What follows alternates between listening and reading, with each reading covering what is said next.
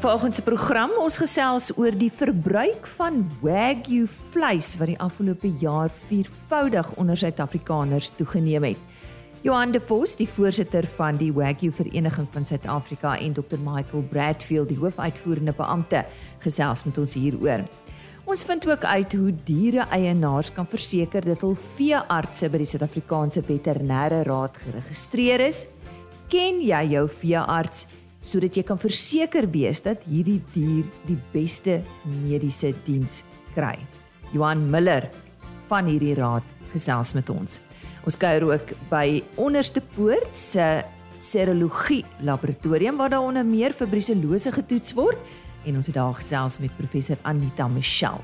Dis dan op RC Landbou vanoggend. Goeiemôre soos altyd van my Lise Roberts en baie welkom by vanoggend se program.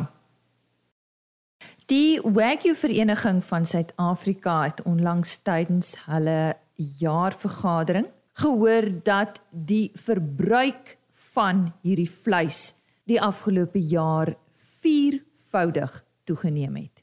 Ons hoor vandag van Johan de Vos, hy is die voorsitter van die vereniging en ook die hoofuitvoerende beampte Dr Michael Bradfield. Johan de Vos verduidelik eers wat is die hoofredes vir die toename in verbruik.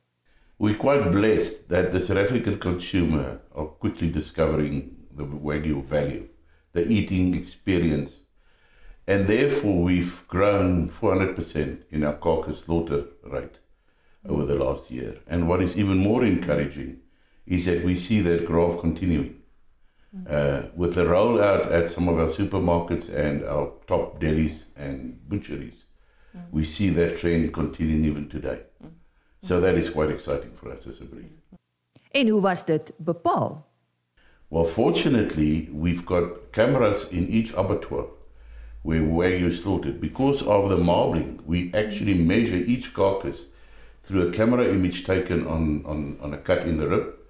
Mm-hmm. And then we use uh, the internet to determine the marbling, the outside fat, and the marbling fineness. Mm-hmm. So each, each carcass mm-hmm. is, is scientifically evaluated and used back into the system to create breeding values for our breeders. And there's a whole audit process right from birth of the calf right through to slaughter. So it's not a case of the society says this is what's being slaughtered. Uh, for example, you know, we, we got an outside PDSG, they're an international company.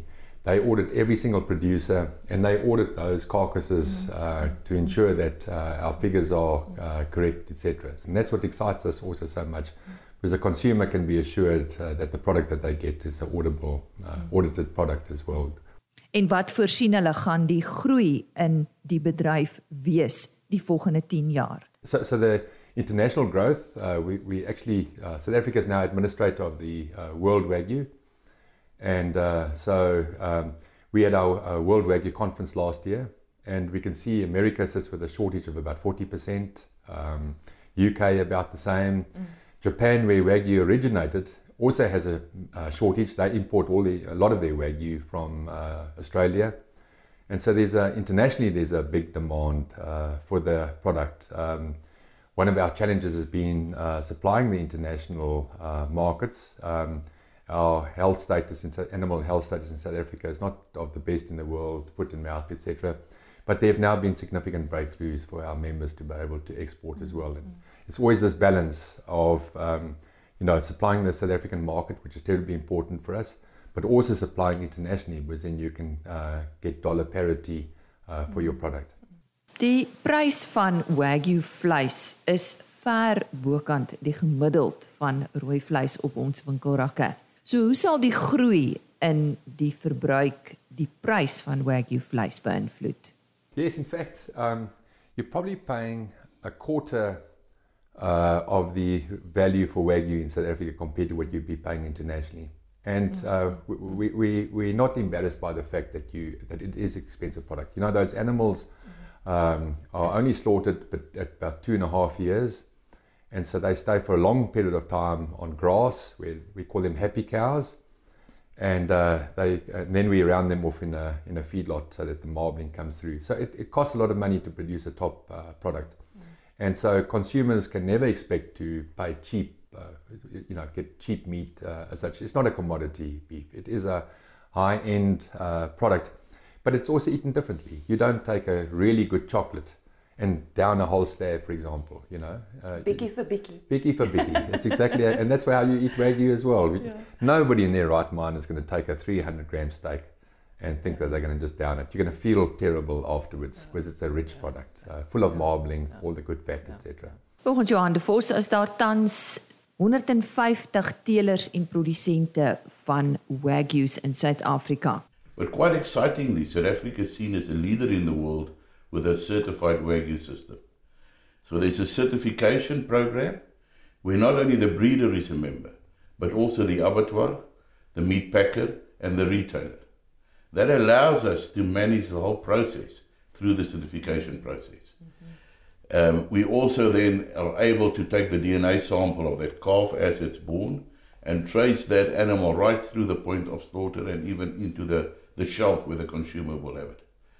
And, and that allows us to, to, to audit it and to create a system which in, in an environment where health is, is, is critical, especially in Southern Africa, that we can isolate our herd and ensure safety and security to the customer. Wat hierdie vleis natuurlik uniek maak is die marmering in die vleis. Wat presies is marmering? En in Engels word dit natuurlik marbling genoem en hoe ontstaan dit? Dr Michael Bradfield verduidelik. Marbling is um, well if you if you take all fat out of meat, meat will taste exactly the same. So it's only the fat that that distinguishes chicken If you eat a chicken, you can say, "Oh, this is chicken," but you can taste the fat.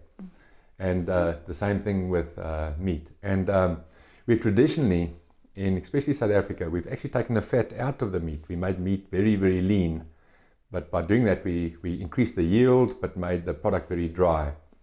So um, the the uh, marbling is a special type of fat because it's uh, monounsaturated mostly.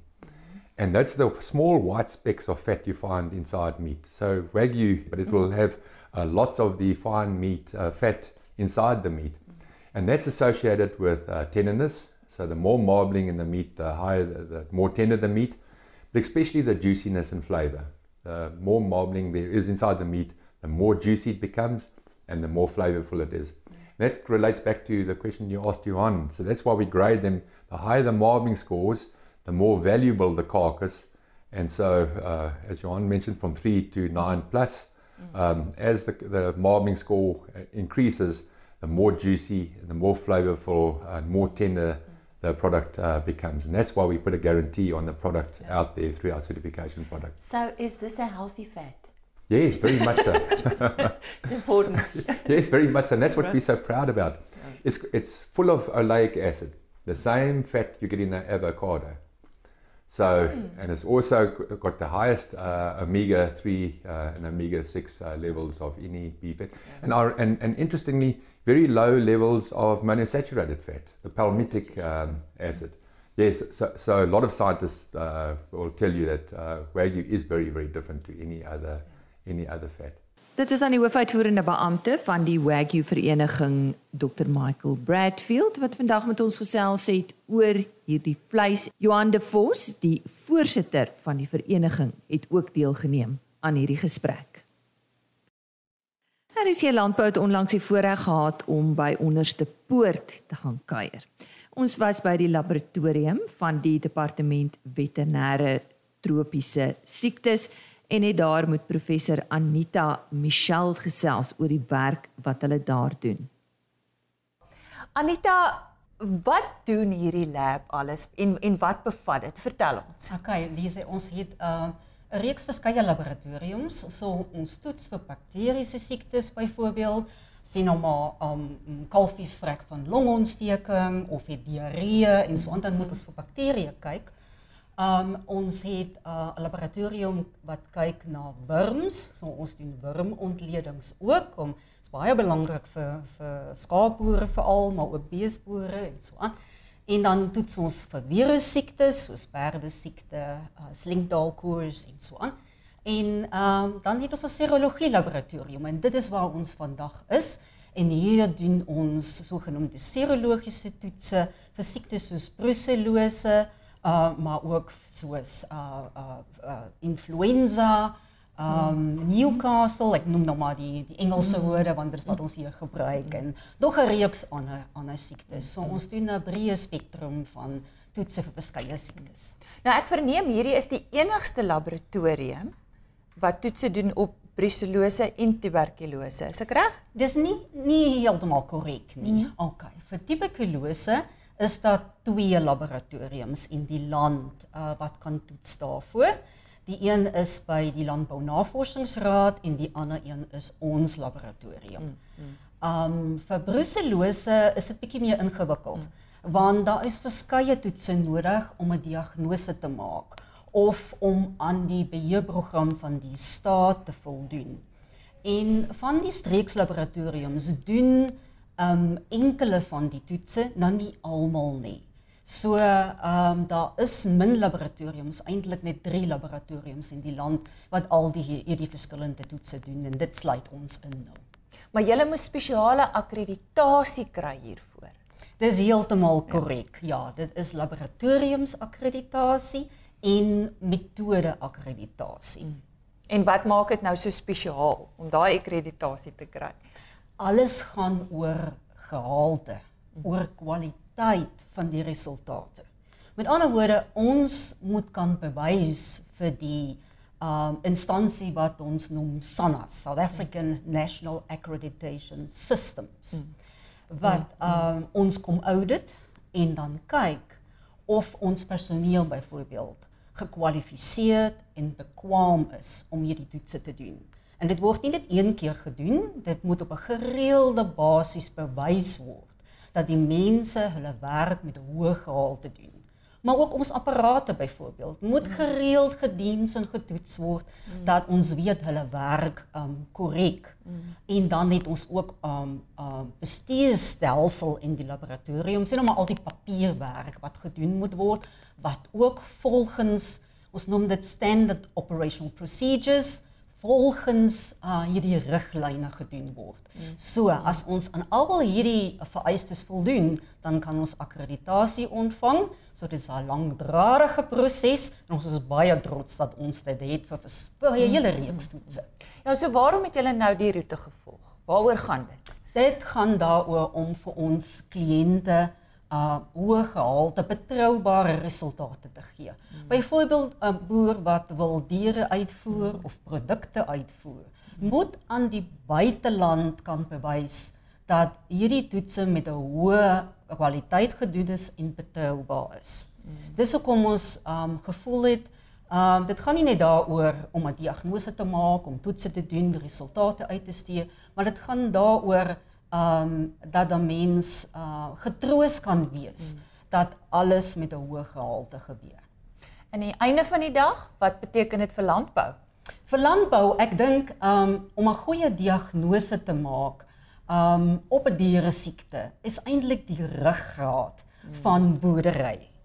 En um ons diagnose van brucellose, van tuberkulose vul hierdie ehm um, vereiste aan en ons help ehm um, die boere hiermee om te weet monsters wat hulle hiernatoe stuur ehm um, word met ehm um, met met met goeie betroubaarheid hanteer mm. en getoets en ook binne die kortste tydperk wat moontlik is getoets want dit is baie kere die probleem.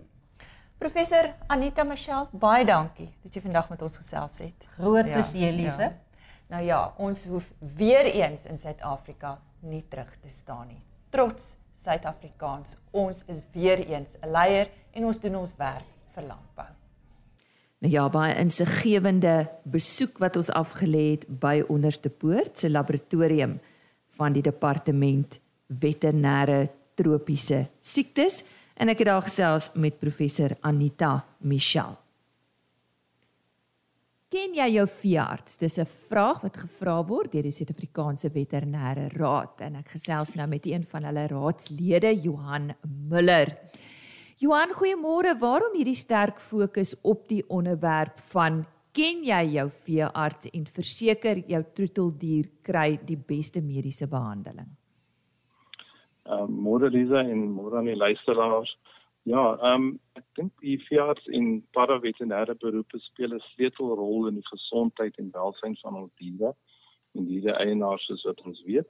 Dit is uiters belangrik dan dat die publiek en die professionele van hierdie professionele opgeleide span uh moet bewus wees en en wat hulle vir die vir die uh diere eienaar beteken in terme van onder andere die diere se gesondheid en dan ook voedselsekerheid en mooi verstaan hoe die uh span in mekaar pas wat hierdie professionele dienste dan beskikbaar maak of stel vir vir die publiek. Um ek dink die raad wil verseker dat die publiek deeglik bewus is dat daar ongeregistreerde leuke persone is wat veterinêre dienste aanbied uh sonder die nodige kwalifikasies en dat hulle nie onwetend in 'n situasie gaan beland uh wat groot nagevolge kan hê nie. Uh sulke persone is nie in staat om die beste moontlike behandeling te verseker nie en met uh ek van mening vir myself ek gaan nie na uh uh ongeregistreerde persoon wat nie 'n mediese dokter toe gaan vir my eie gesondheid nie. So waarom sal jy dan dit uh aan jou diere doen? Um en en van daai uh dienste gebruik maak. En as daar enigstens iets fout gaan is daar nie 'n uh, enige toevlug wat die diere eienaar het. Ehm um, die raad sal nie kan help nie want die persoon is nie geregistreer nie.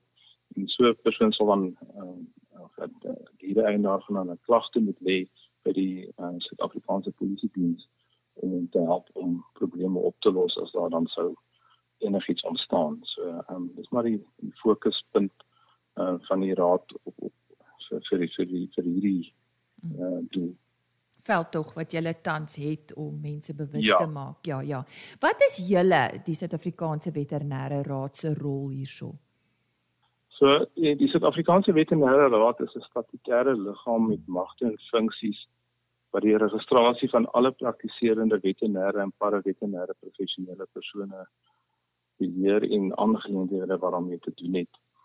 Um die raad is daarom te verseker dat dat al die inwoners uh en diere eienaars in Suid-Afrika verseker kan wees van kwaliteit veterinêre dienste wat relevant is vir ons land se omstandighede en dan in lyn is met internasionale standaarde.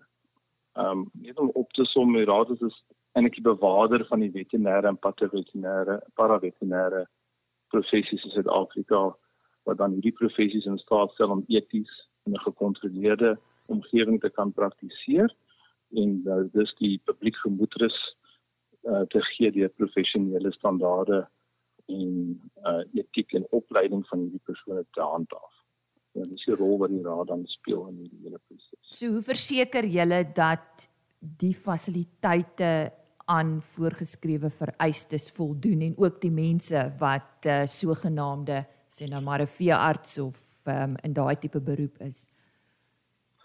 Ja, Lisa, ehm um, alle alle veeartse en paraveterinêre praktisyns ehm um, as ook fasiliteite moet geregistreer wees volgens wet by die raad. Ehm um, of dit nou in privaat besit is en of dit in staatsbesit is. Ehm um, daar's 'n uh, rede daarvoor want dit verseker sekere minimum standaarde word aan voldoen. Ehm um, sodat die die diens daar kan aangebied word. Daar word elke 6 jaar 'n rotine ad hoc inspeksie van hierdie fasiliteite gedoen deur die raad.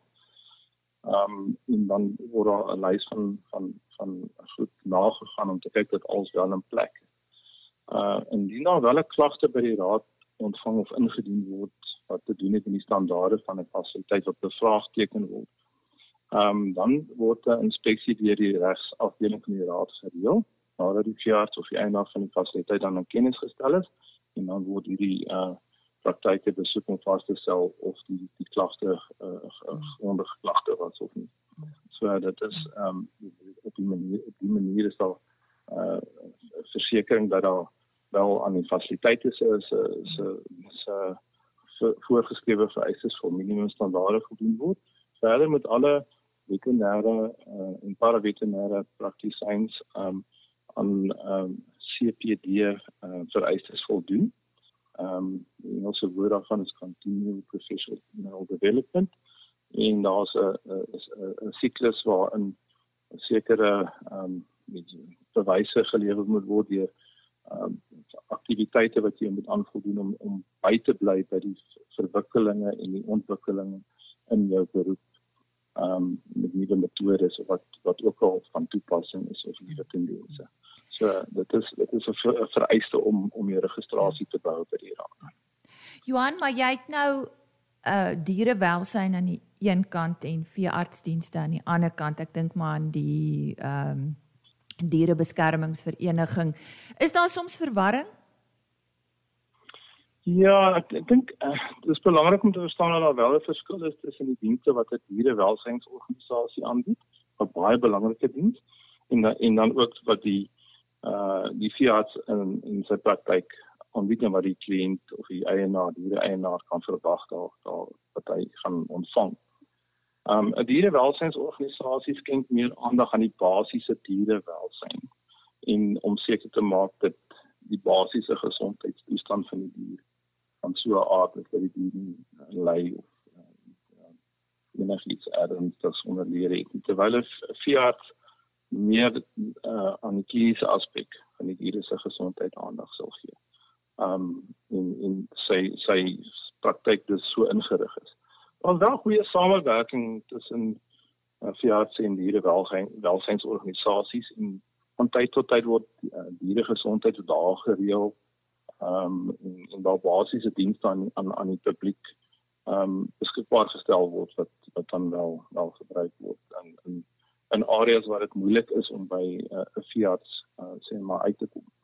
Ehm um, so dit ja, dit is dit is maar min of meer uh waar die waar die waar die verwarring inkom. So ek dink baie keer dink die publiek, die algemene publiek dat hulle aan 'n goedkoper diens by 'n dierewelsynsorganisasie bekom as eerder as om na die veearts te gaan en dit is nie uh, dit is ehm um, nie anekdotaatbaar nie. Ehm um, dit is dit is vir meer vir mense wat regtig dit nie kan bekostig nie.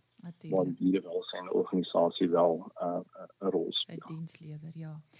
Johan, om jy af te sluit 'n paar riglyne wat jy luisteraars kan gee om te verseker dat hulle by die regte plek of persoon is en met ander woorde die beste mediese diens kry vir hulle dier.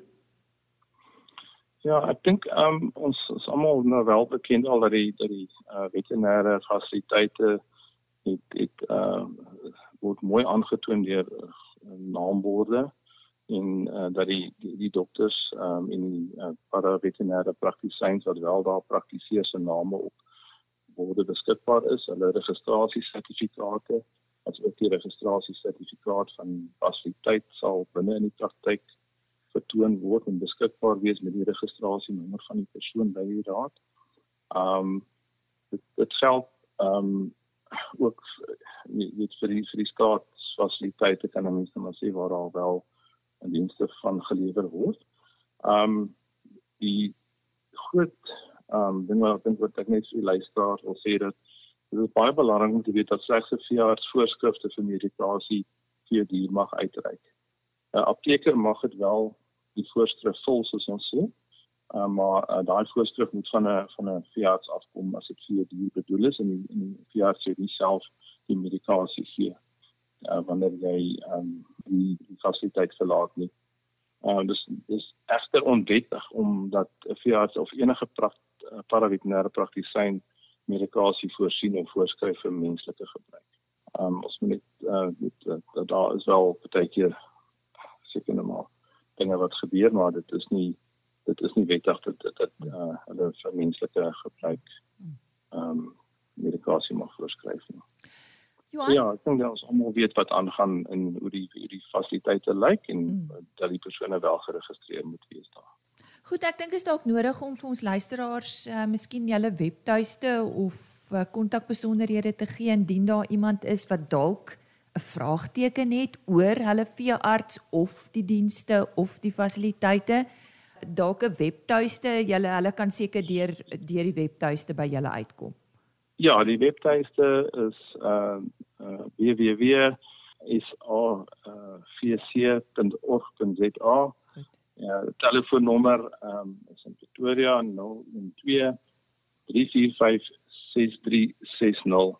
Um, ek dink die personeel sal hulle graag en vriendelik ontvang en van hulp wees uh, vir enige iets wat nodig is om onder die raad se aandag te bring. of net uh, algemene inligting ook. Um, dit is beskikbaar op die webtuiste. Daar beskryf al die professies word baie mooi beskryf daar wat ons doen en hoe ons dit doen. Goed, ons moet daarom net sê daardie webtuiste www.savc dit ja. staan vir South African Veterinary Council, is ek reg? Dis korrek. Dis waar ja. die VC van www.savc.org.za onthou daardie .org. Dis korrek, ja, .org.za. Goed, en ek het gesels met Johan Miller. Hy is 'n uh, raadslid van die Suid-Afrikaanse Veterinêre Raad en ons het vandag met hom gesels oor ken jou veearts en weet waar jou dier die beste moontlike mediese diens kan kry. Dis amper tyd om te groet, maar onthou môreoggend weer saam met ons te kuier. Onthou Johan van der Berg is terug met nuus oor die weer en so ook uh Chris Derksen wat ons vertel wat met vleispryse gebeur. Dan gesels ons met Dr Louis Bouk van Elanco oor die behandeling van wonde by diere. Maar daar's nog nuus. So onthou om uh, weer saam met ons te kuier net so skuins na 5. Onthou ons onderhoude is as potgooi beskikbaar op www.agriorbit.com.